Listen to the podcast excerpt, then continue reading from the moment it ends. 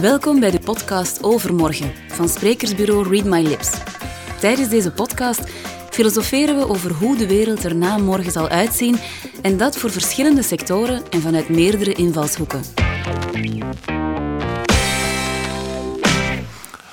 Welkom dames en heren, mijn naam is Rick van Kouwelaert. Ik ben columnist bij de krant De Tijd. En ik heb hier vandaag een gesprek met een, ik zal maar zeggen, jongere collega, Jan Baljouw. Zo jong ook weer niet. Ja, toch, toch, toch. Als je ziet hoe oud ik ben, maar goed. Ehm, maar eh, toch een man met een, laten we maar zeggen, toch al wat jaren ervaring op de uh, tellers. En uh, als buitenlandcorrespondent, vooral iedereen kent u, Jan, als de man die, als het in Moskou misloopt, dan komen ze jou lastigvallen. Hm?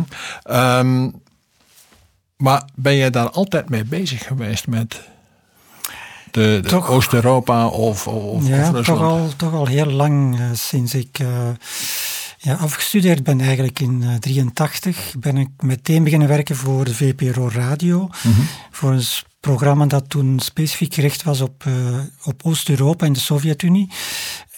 Het was toen nog communistisch natuurlijk. En ja. het uh, was de periode van de kernwapenbetogingen. De iets oudere luisteraars zullen dat misschien nog weten. Uh, 400, de vredesbeweging. Vredesbeweging, 400.000 mensen op straat in Brussel. En ja, er was toen een heel erg vijandbeeld. En uh, met een aantal mensen wilden we gaan kijken achter het ijzeren gordijn om te zien of daar alleen maar vijanden leefden. En natuurlijk, we wisten ook wel dat daar ook gewone mensen leven, zoals hier. En die wilden we vooral aan het woord laten. En zo, ja, van het een is het andere gekomen. Er is dan uh, al heel vlug Gorbachev gekomen, de perestroika, de glasnost. Iedereen wou plots uh, uh, zich bezighouden met de Sovjet-Unie. Maar ja, het voordeel was natuurlijk dat we toen al wel een beetje een voorsprong hadden, wat al contacten gelegd en we konden toen heel snel inpikken op die trend met dat programma. En dan op een bepaald moment uh, ben ik ook naar Rusland gegaan en heb ik mij, vond ik dat ik daar toch een beetje aan de oppervlakte bleef. Mm -hmm. uh, door het feit dat ik geen Russisch sprak, dat ik er ook altijd maar korte tijd was. En dan heb ik besloten om voor langere periode naar Rusland te gaan. Eerst niet als journalist, maar goed, al vlug kwam de vraag van de VRT, toen nog BRTN, uh, kun jij voor ons geen dingen doen? En zo ben ik dan eigenlijk uh, correspondent geworden in, uh, in Rusland. Ja, nu, ons gesprek normaal gaat over ook hoe deze COVID-crisis die we ja, aan het doormaken zijn, hopelijk komt die nu in een eindfase, um, hoe we die doorgekomen zijn. Maar ik kan mij voorstellen, als buitenlandcorrespondent, met de, de, de beperkingen die opgelegd worden om te reizen, dat dit geen sinecure is geweest de afgelopen jaren. Nee, het is um, niet eenvoudig geweest. Um, ja, toen de lockdown, de eerste lockdown was, was er zelfs geen sprake van reizen. Alleen maar de hoogst noodzakelijke reizen konden we doen. Maar zelfs dat was heel moeilijk, want landen maakten geen onderscheid tussen journalisten, mm -hmm. zakenmensen. Het was voor iedereen verboden. Dat onderscheid is er dan naderhand wel gekomen.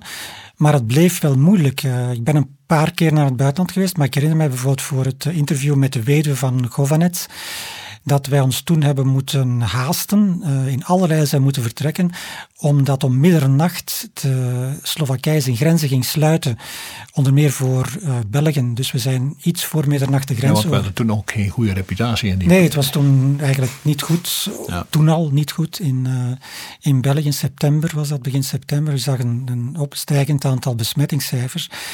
Um, dus we zijn net voor middernacht Slowakije binnengegaan en toen mochten we wel blijven. Dus dat was wel de afspraak. Mm -hmm.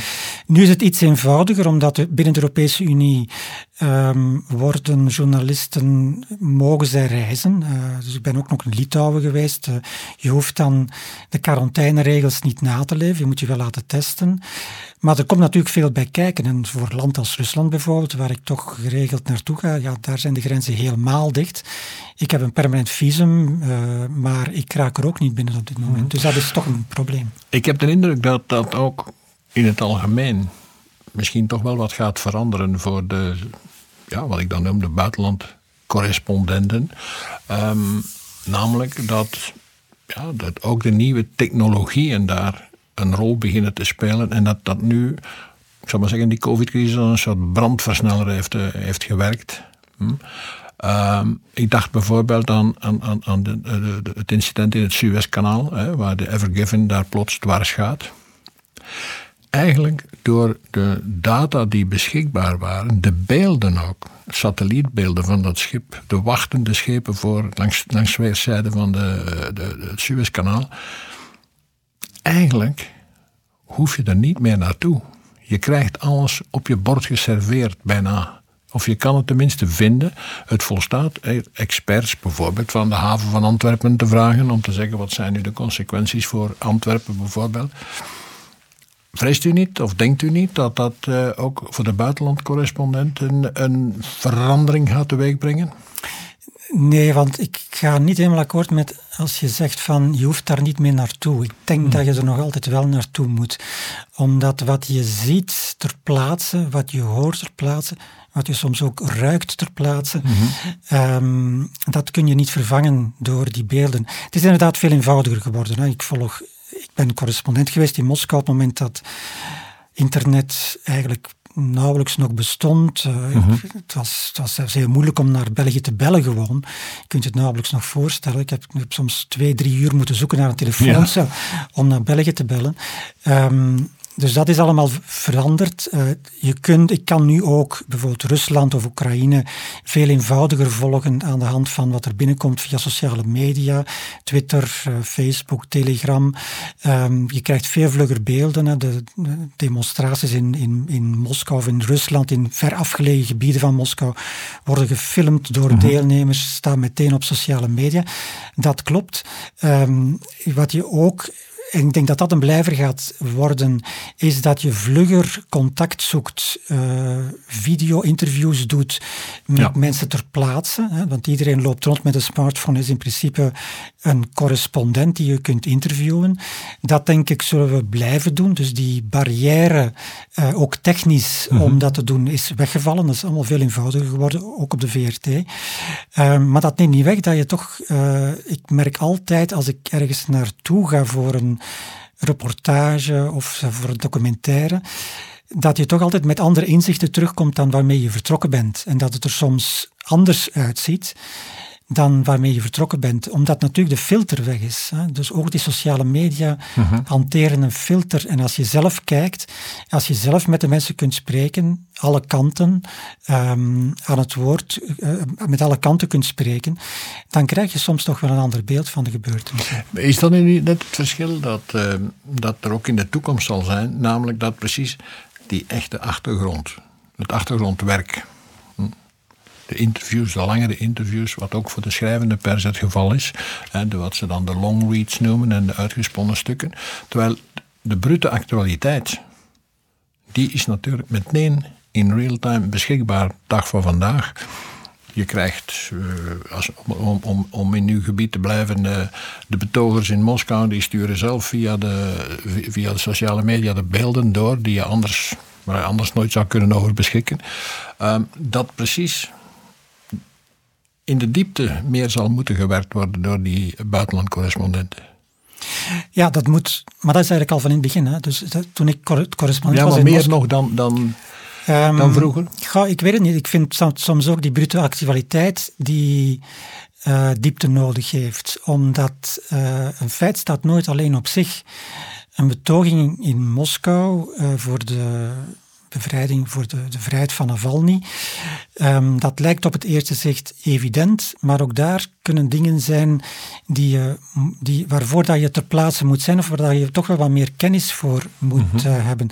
Bijvoorbeeld wat je niet meteen ziet aan dat, de beelden die je dan binnenkrijgt en de gesprekken die je binnenkrijgt, van ja, wie is daar uh, allemaal op straat aan het komen? Zijn dat jongeren? Zijn dat ook de ouderen?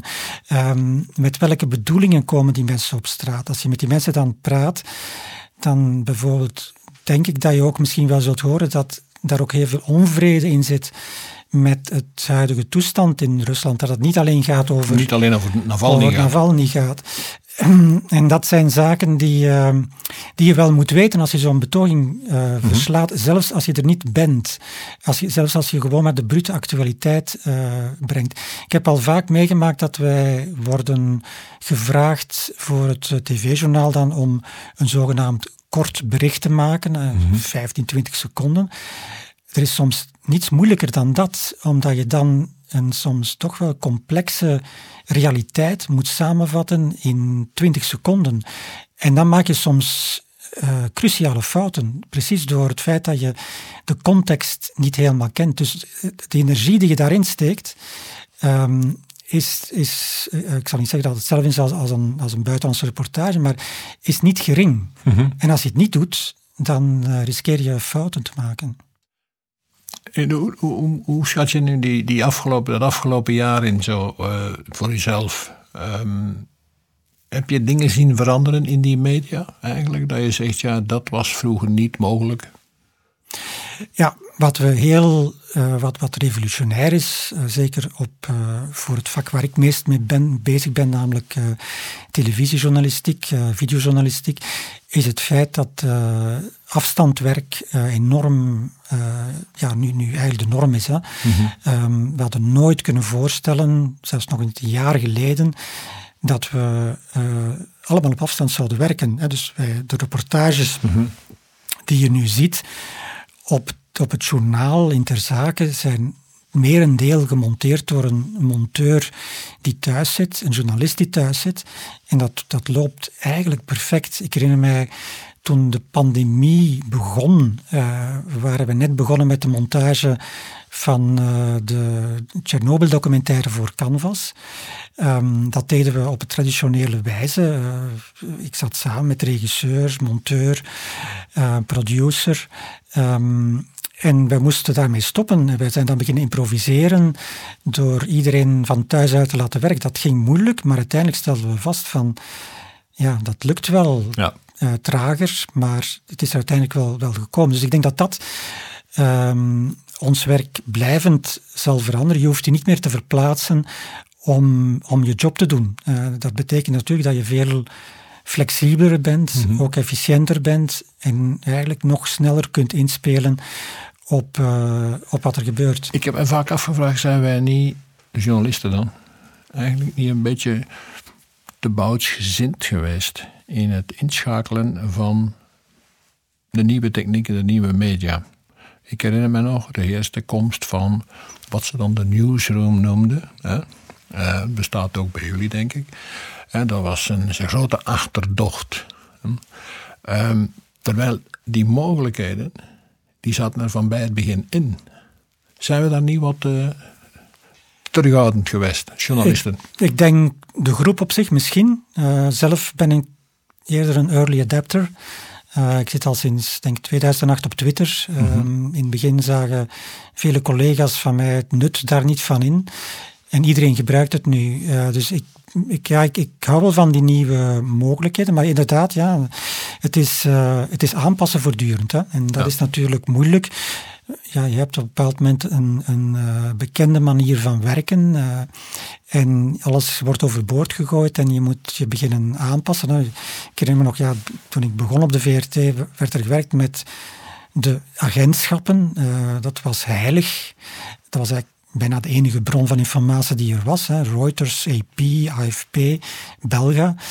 Um, nu is dat voor mijn werk als, als journalist die internationale zaken covert, uh, voormalige Sovjet-Unie, Rusland en zo, zijn die agentschappen eigenlijk bijzaak geworden. Ik haal mijn informatie nu veel rechtstreekser ja. Uh, ook omdat ik Russisch uh, spreek en lees, kan ik ook de Russische bronnen nu rechtstreeks uh, volgen. Veel eenvoudiger dan vroeger. Het kost me ook geen geld. Hè. Een abonnement vroeger op TAS of op Interfax, Russische persagentschappen, dat kostte gigantisch veel geld. Ja, nu staat het allemaal op Twitter of op mm -hmm. Telegram. Dat, dat, maakt het natuurlijk ehm, veel eenvoudiger om, om te werken. Is het ook niet opmerkelijk zo betekent tenminste, dat die landen, die ex-communistische landen, dat die eigenlijk heel snel bedreven waren in het gebruik van die nieuwe technieken. Ja, ik denk dat wij een beetje, dat is de wet van de remde voorsprong. Hè. Soms uh, Wij zaten met gestandardiseerde technieken die we allemaal ja, voor een stuk toch wel hebben moeten bijsturen, overboord gooien en er nieuwe voor uh, aan te wenden. Denk maar heel de operatie die alle nieuwsredacties doormaken, denk ik nu met online um, en alles wat er nog aankomt. Um, terwijl natuurlijk die media daar uh, hebben dat meestal ook niet zo'n lange voorgeschiedenis. Zijn nieuwe, jonge redacties, zijn mensen die uh, al die middelen zelf gebruiken, Instagram, YouTube, uh, terwijl heel veel journalisten ja, dat allemaal moesten ontdekken. Mm -hmm. En dat maakt, je ziet dat trouwens ook met, uh, met invoeren van, van bijvoorbeeld uh, mobiele telecommunicatie. Uh, dat staat bijvoorbeeld in Rusland veel verder dan bij ons. Wij lopen achter op op Rusland. Hoe komt dat? Omdat ze slechte landlijnen hebben. Wij hadden goede landlijnen. Uh -huh. uh, dus daar, daar zie je dat ze ja, van, van hun achterstand soms uh, een, een, een, voordeel maken. Om Baltische meteen, Staten, de Baltische Staten zijn daar voorlopers. Hè? Voilà, zijn, zijn daar de verlopende de kabinetsraden volledig. Uh, mm. die, ja, online kun je die volgen. Uh, het hele, in, bijvoorbeeld in Estland is de hele overheid eigenlijk gedigitaliseerd. dus Estland is op dat vlak een, een, een, echt een voorloper op, op andere landen natuurlijk. Ook omdat zij inderdaad, ze zijn pas onafhankelijk sinds 1991. Dus ze hebben alles moeten opbouwen en ze mm hebben niet die grote bureaucratie die tegenwerkt, uh, want die was er vroeger niet. Ja. Uh, uh, in de COVID-crisis nu, die we, die we doormaken, hoe heeft u dingen zien veranderen daar ook in Rusland in dat verband? Of in, in de voormalige Oostbloklanden, zullen ze maar noemen, of in China. Zijn daar dingen echt ook veranderd zoals dat bij ons het geval is? Bijvoorbeeld in de relatie tussen burger en, en, en gezag. Wel, je ziet natuurlijk dat, uh, ik denk dat dat het grote probleem is, dat als je zo'n pandemie hebt, dan ja, kun je dat niet zomaar loslaten, uh, want dan wordt het een bedreiging voor, voor de gezondheid van de samenleving. Dus je moet ingrijpen en natuurlijk wie moet ingrijpen? Dat kan eigenlijk alleen maar de overheid. Door heel strikte mm-hmm. richtlijnen op te leggen. Liefst zo snel mogelijk, want hoe langer dat je wacht, hoe erger het wordt. Um, en je ziet natuurlijk dat um, autocratische regimes die van bovenaf worden aangestuurd, zoals bijvoorbeeld een Chinees regime, een Russisch regime, dat um, sneller kunnen doen dan een democratisch regime, omdat er geen interne discussie is. Er is ook geen vrije pers die kritische vragen stelt.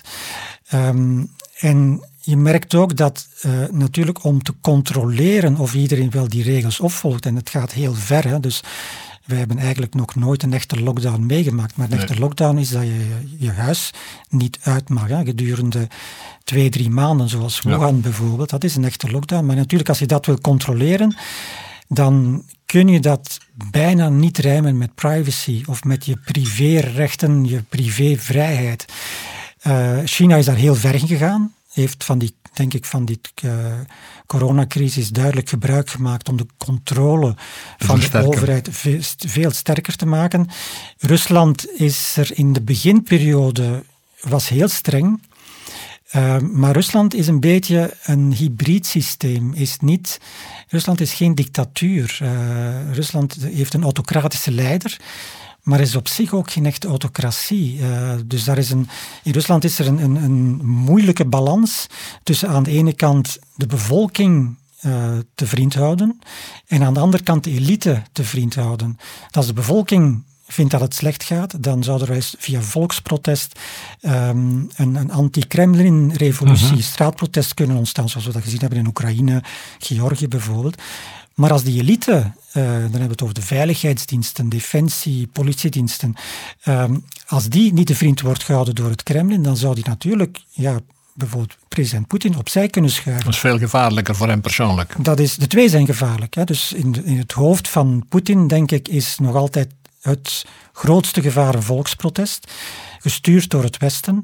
Maar hij heeft natuurlijk ook in zijn achterhoofd, en dat zie je ook hoe dat hij heel goed die cruciale posten uh, in die uh, diensten, die veiligheidsdiensten verdeelt. Hij probeert daar het evenwicht te behouden, zodanig dat die niet te sterk worden. Natuurlijk, als je met een covid-crisis zit en je gaat de bevolking heel sterk controleren, dan riskeer je dat de balans helemaal verstoord wordt. Want de elite wordt veel te sterk, wordt veel te, ja, veel te machtig, krijgt heel veel bevoegdheden. En aan de andere kant gaat de bevolking morren, want die mogen niets meer. Die hebben vaak het tal economisch niet, uh, niet, zo ruim. En dan worden ze ook nog eens uh, langs alle kanten gecontroleerd. En dat zou wel eens. En is dat iets wat je nu voelt, momenteel, dat daar een zekere spanning zit op die lijnen?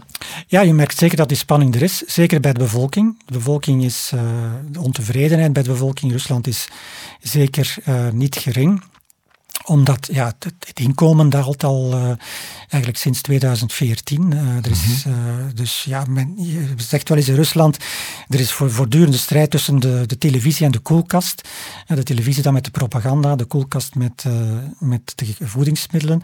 En natuurlijk, in het begin heeft de Rus wel gezegd van uh, goed zo wat Poetin doet, hè, Krim annexeren, nationalisme, uh, Rusland terug op de kaart zetten. Um, daarvoor zijn we wel bereid van eventueel onze koelkast wat leger te, te, te mhm. maken. Maar als, nu, nu zien ze dat die koelkast niet gevuld geraakt. Uh, door de opstelling van, van Poetin, door de westerse sancties, het feit dat de economie niet goed draait, omdat ook die elite te vriend moet gehouden worden, die mogen heel veel afromen. Um, en ja, dus die, de Russen zijn op dit moment, uh, willen terug een vollere koelkast krijgen, willen ook profiteren van, van het uh, systeem. En dat, ja, die beloftes zijn er niet. Uh, dus je merkt ook bij de betogingen die er zijn, bij de protesten die er zijn, dat, um, ja, dat, die, dat die bevolking toch wel, ja. uh, dat, die, dat die betogingen breder gedragen zijn. Ik herinner me een gesprek, ik had uh, met uh, Cohen, dat is een fameuze Amerikaanse specialist die ondertussen overleden is trouwens, die getrouwd is met Katrina van den Heuvel van uh, The Nation.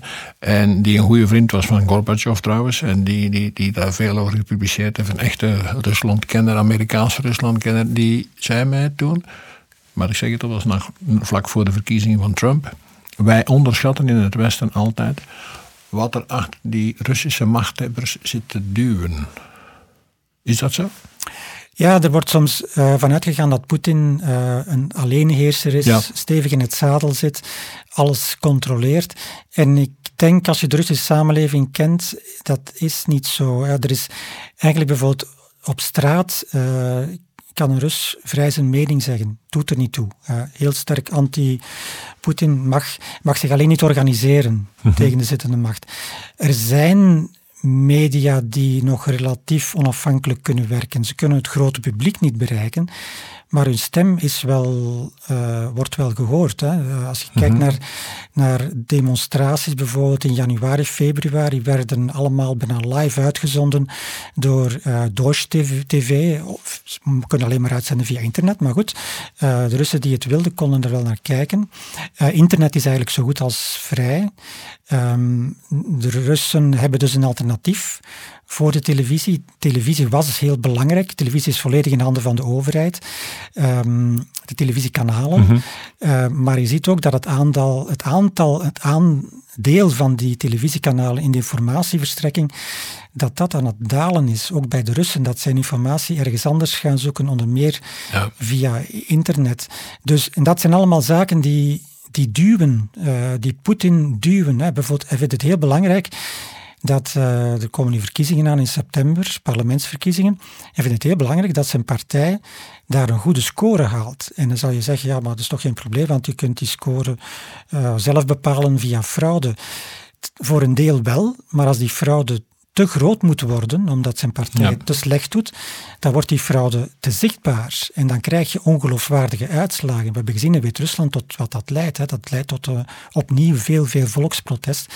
En uh, zoals ik al zei, dat is uh, een, ja, toch wel een, een idee fix van Poetin dat, dat, dat hij daar een groot gevaar in ziet. Wat mij opviel, een jaar of twee geleden, dat was nog voor de crisis gelukkig, um, toen ik daar was, dat uh, bijvoorbeeld bij jongeren vooral, er enorm hilarisch werd gedaan over al die beweringen dat die Russen eigenlijk de Amerikaanse uh, verkiezingen hadden beïnvloed door allerlei manoeuvres. Daar werd hilarisch over gedaan. Wat is uw idee daarover eigenlijk?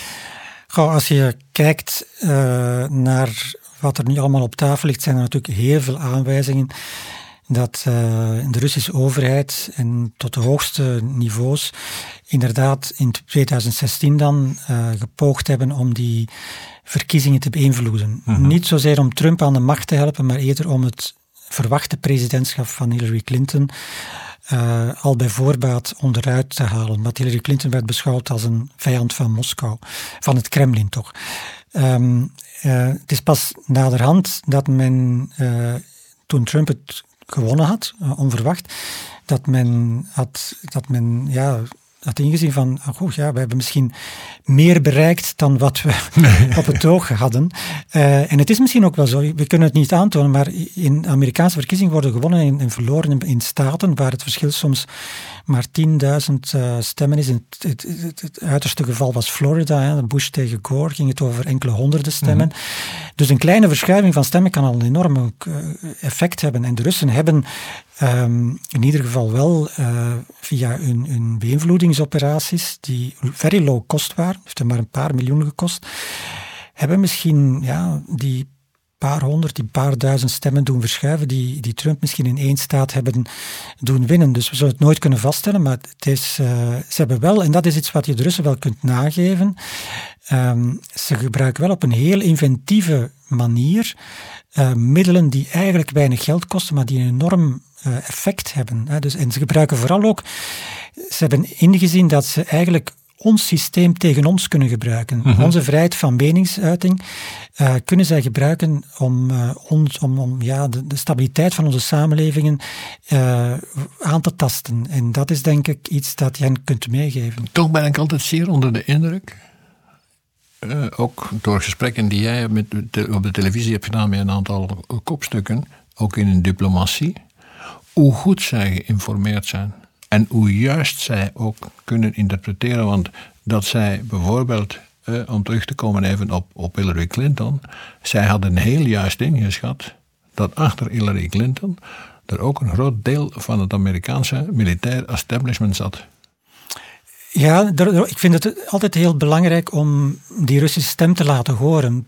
Precies daarom, uh, want wat Russen doen, uh, dat is geen irrationeel gedrag. Mm Daar zit, de Russen bedoel ik dan wel het Kremlin, hè, dus De, de, Russische gezagsdragers, daar zit een bepaalde rationaliteit in. En wat ik wel gemerkt heb, is dat wij in het Westen, zeker na het einde van de Sovjet-Unie, ons te weinig bezig hebben gehouden met Rusland. Dat wij ons een beetje hebben afgewend. China was veel interessanter. En de kennis over Rusland is wat verloren gegaan. Hè. Dus zelfs de, de, richting slavistiek op de KUL is, uh, is gesloten bij gebrek aan belangstelling. Ja, jammer genoeg. Jammer genoeg. Um, en dat is denk ik een groot probleem. Je hebt dat gezien in de, in de Oekraïne-crisis. Heeft de Europese Unie, uh, ik zal niet zeggen dat de Europese Unie die veroorzaakt heeft, maar heeft ook fouten gemaakt. Precies omdat de Europese Unie niet inzag hoe belangrijk Oekraïne was voor Rusland. Niet alleen strategisch, maar ook cultureel, als, als de basis van de Russische cultuur. Kiev wordt beschouwd als... Zelfs voor de kerk. Zelfs voor de kerk. Uh, en men, heeft daar, men, men zag dat van een Europees standpunt van oké, ja, de Russen hebben er eigenlijk niets in te maken, want als het in Oekraïne goed gaat, gaat het ook voor Rusland beter gaan. Uh, dat was natuurlijk niet zo. Dat was voor de Rusland geen puur economische benadering zoals de Europese Unie die vaak heeft. Dat ging over veel meer. En ik denk nog altijd, als men, als men meer rekening had gehouden met die Russische uh, belangen, uh, de Russische noden, dat we misschien die Oekraïne-crisis toch deels hadden kunnen vermijden of dat het misschien toch niet zo uit de hand was gelopen uh, zoals het nu is. De Russen verwijzen altijd bijvoorbeeld naar uh, ja, toen, toen Janukovic uh, gevlucht was, mm -hmm. nam Maidan, en Janukovic, de toenmalige president, nam Maidan de macht over. Er was wel een akkoord onderhandeld met de oppositie.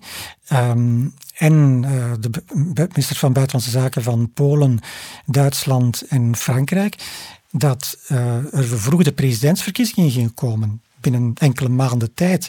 Um, de Europese Unie heeft dat akkoord direct laten vallen toen Janukovic gevlucht was.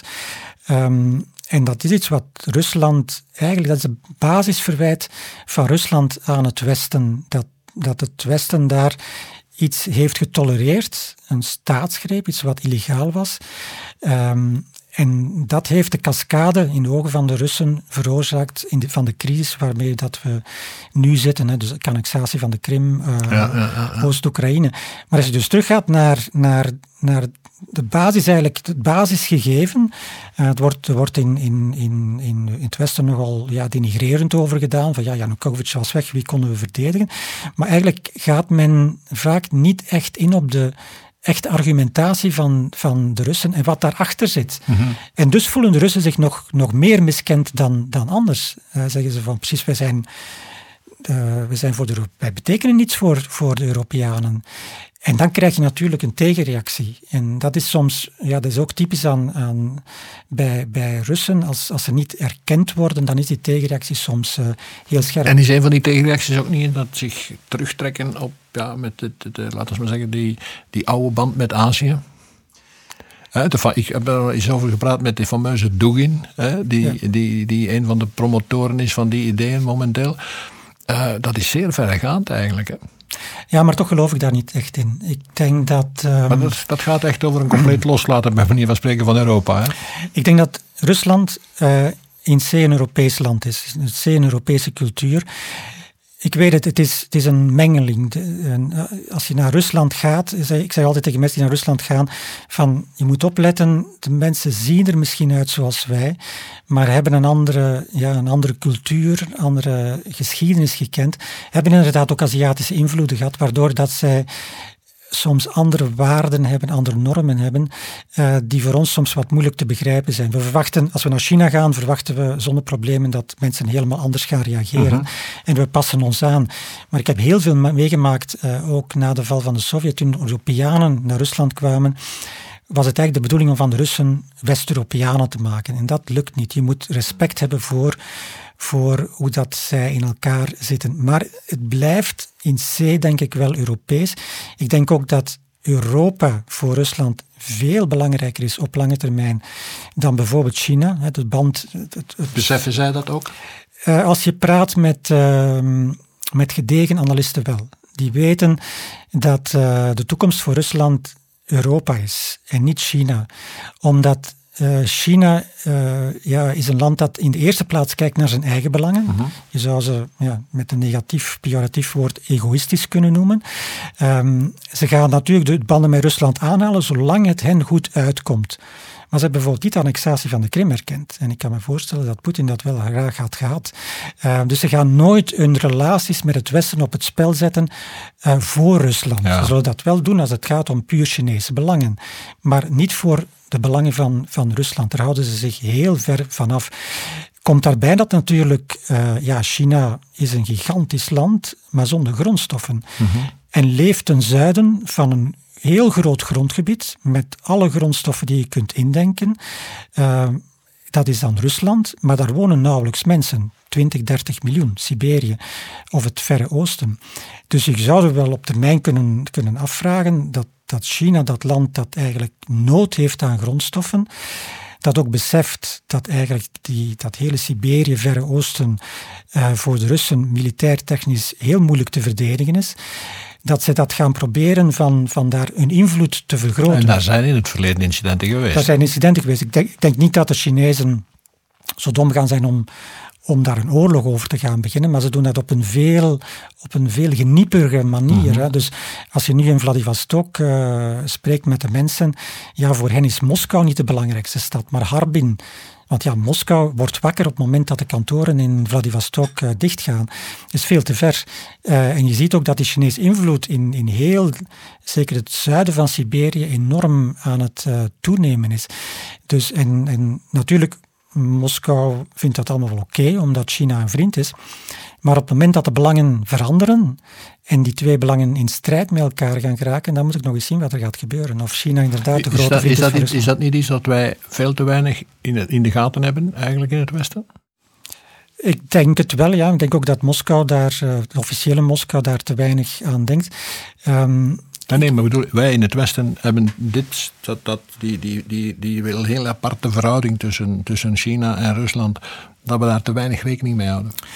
Um, ik denk, ja, ik, ik, heb soms indruk dat de mensen denken dat het verder gaat dan het echt is. Mm -hmm. uh, dat uh, Moskou en Peking twee handen op één buik zijn. En ik zeg het, dus daar geloof ik niet veel van. Zolang het Rusland goed uitkomt, uh, zal het blijven doorgaan. Zolang China het goed uitkomt, zal het blijven doorgaan. Maar ik, dit is geen, niet de structurele band die wij bijvoorbeeld hebben met de Verenigde Staten. Ja. Um, die gaat veel verder en die is ook ja, veel dieper geworteld dan de, de band die er nu is tussen Rusland en China. Maar het klopt inderdaad dat uh, ik denk dat wij meer aandacht moeten hebben op alles wat daar gebeurt. Het gaat niet alleen over de band tussen Rusland en China, maar ook over de nieuwe positie die China inneemt in de internationale politiek. Uh, China is duidelijk de opkomende grootmacht uh, en, en, is zijn rol aan het opeisen uh, vanuit nogal een zeer sterk eigenbelang, heb ik de indruk. China gaat niet de, de, de behoeder worden van de internationale orde, zoals de Amerikanen dat soms uh, in het verleden uh, hebben gedaan. Uh, Rusland heeft, ik merk ook dat Rusland heeft een zeer specifieke rol in die internationale relaties, meer een rol soms van, van stoorzender, omdat Rusland niet die grootmacht meer is die de Sovjet-Unie was. En Rusland kan ook economisch, China kan het economisch zich permitteren om landen enorme leningen te geven. Dat kan Rusland zich niet permitteren. Dus Rusland moet allemaal low cost doen, moet proberen van met kleine investeringen heel grote invloed uh, te bewerkstelligen. Ja, maar en tegelijkertijd natuurlijk is, is dat Rusland, als, uh, als we de, we moeten gewoon de pipelines bekijken die vandaar komen, is Rusland natuurlijk voor ons ook een heel belangrijke leverancier van grondstoffen. Vandaar denk ik dat wij ons veel meer moeten richten op Rusland. Onze kennis van Rusland veel meer moeten uitbouwen, dat we die contacten moeten leggen, dat veel meer mensen Russisch zouden moeten spreken om rechtstreeks contacten te hebben. Want ik heb in het verleden toch wel gemerkt dat als je rechtstreeks met een Rus in het Russisch kunt spreken, dat dat toch een andere conversatie is dan via tolken. En wij hebben ook geleerd, bijvoorbeeld met de Oekraïne-crisis, dat als er daar iets gebeurt, dat dat directe gevolgen kan hebben voor ons. Hè. Vlucht MH17 is neergeschoten, 198 Nederlanders zijn omgekomen. Sancties die er zijn gekomen na, die, uh, na MH17, die ook bij ons de economische groei hebben verminderd. Hè. binnen de NAVO wordt al sinds die crisis nu gepleit voor meer defensieuitgaven. Dat gaat ons allemaal geld kosten. Dat kost mhm. ons allemaal geld. Men is ook geschrokken. Eh, ik sprak met een, uh, met een jonge jachtpiloot die daar de, de, de, de observatiemissies heeft uitgevoerd voor voor, eh, voor de NAVO. En die waren toch wel geschrokken door de agressiviteit van de overzijde. Ja, dus natuurlijk, zij, zij proberen voortdurend te testen uh, of... Uh, de alertheid, onze de alertheid. Te testen of al die NAVO-structuren inderdaad werken zoals ze behoren te werken. Zeker in, uh, onder Trump was daar natuurlijk wel reden voor om dat uit te testen. Hè? Omdat die, ja, Trump een aantal keer heeft laten verstaan dat hij eigenlijk van de NAVO niet veel moest hebben. Um, en Amerika is nog altijd wel het belangrijkste NAVO-lidmaatschap. Mhm. Dus voortdurend wordt die alertheid getest.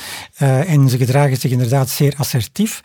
Uh, waarbij we natuurlijk niet mogen vergeten dat ook wij dat doen. Hè. Dus als je kijkt naar de Amerikaanse observatievluchten boven de Zwarte Zee, bijna dagelijks uh, vliegen in de buurt van de Krim Amerikaanse observatievluchten, wordt ook geregeld dicht bij het uh, Russische luchtruim gevlogen. Dus dat is, iets, dat is een spel dat aan beide kanten gebeurt. We waren dat misschien een beetje vergeten, omdat uh, na het einde van de Koude Oorlog dat allemaal voorbij leek. Maar ja, blijkbaar, jammer genoeg, is dat misschien uh, dat soort spanningen, moeten we daarmee leren leven. Wel, misschien om te besluiten, Jan, want we zitten stilaan tegen de limiet van, onze, van ons gesprek aan.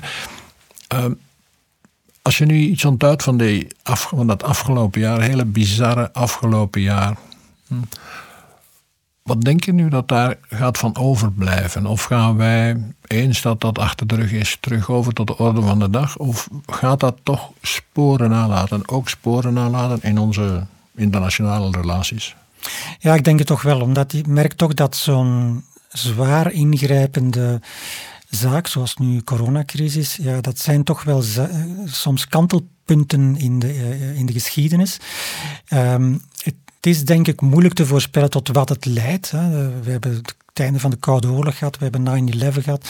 Um, maar je merkt nu dat ja, die coronacrisis, dat Europa die crisis eigenlijk niet goed heeft aangepakt. We doen het eigenlijk relatief gezien niet goed. We zijn het epicentrum van de coronacrisis uh, uh, op dit moment in, in, in de wereld.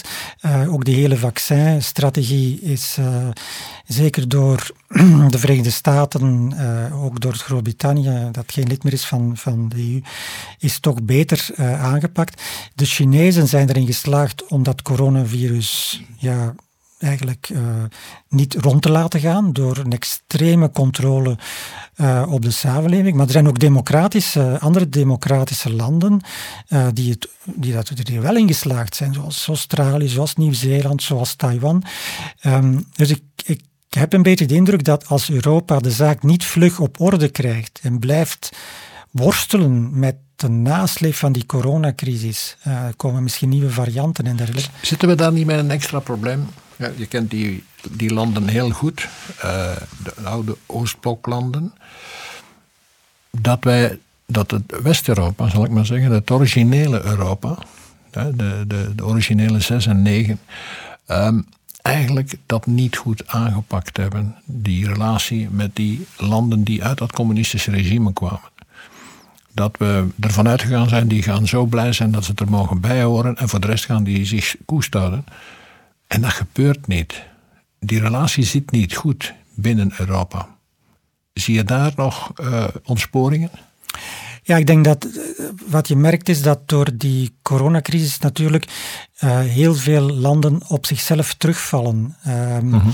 En natuurlijk, ja, wij hebben met de Benelux, met oorspronkelijke EU-lidstaten, hebben veel meer traditie van die samenwerking. We weten ook dat we, als we het zelf doen, dat we eigenlijk niets kunnen doen. We moeten wel. Maar in, in die Oost-Europese landen waren natuurlijk de verwachtingen zeer groot van de EU. Um, de EU heeft ook heel veel gedaan. Als je in, in Polen over, als je naar Warschau rijdt, rij je constant over nieuwe autostrades aangelegd met Europees geld. Terzelfde tijd zie je dat de huidige regering, ook toch wel een deel van de bevolking, zeer uh, euroceptisch is mhm. geworden. Omdat men ja, toch meer had verwacht van, van Europa. En omdat die landen, uh, als die geconfronteerd worden met een, met een diepe crisis, uh, nog altijd de reflex hebben om zich naar zichzelf terug te trekken. Dus dat nationalisme, dat toch eigenlijk wel overal in Europa uh, aan een opmars bezig is. Uh, van, ja, ik denk maar aan de brexit, hè, dus dat is mhm. het meest uh, extreme geval.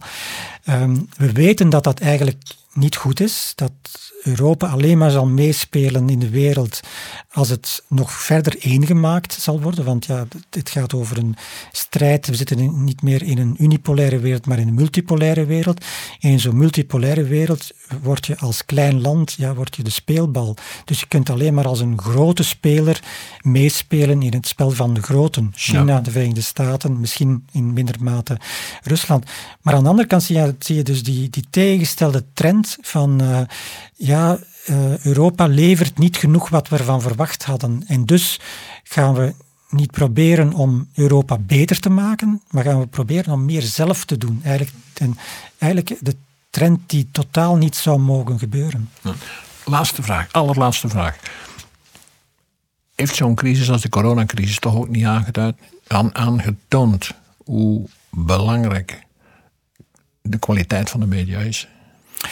Zeker. Um, ik denk dat, uh, dat het heel belangrijk blijft, zeker in zo'n zo'n crisissituatie, omdat de overheid net zo'n grote rol gaat spelen, om die overheid kritische vragen te blijven stellen. Ik denk dat we daar in de eerste periode wat zijn tekortgeschoten, omdat eigenlijk niemand uh, goed door had wat er aan het gebeuren was. Uh, de hele het hele drama van de woonzorgcentra, denk ik, is uh, veel te laat in de mhm. media gekomen.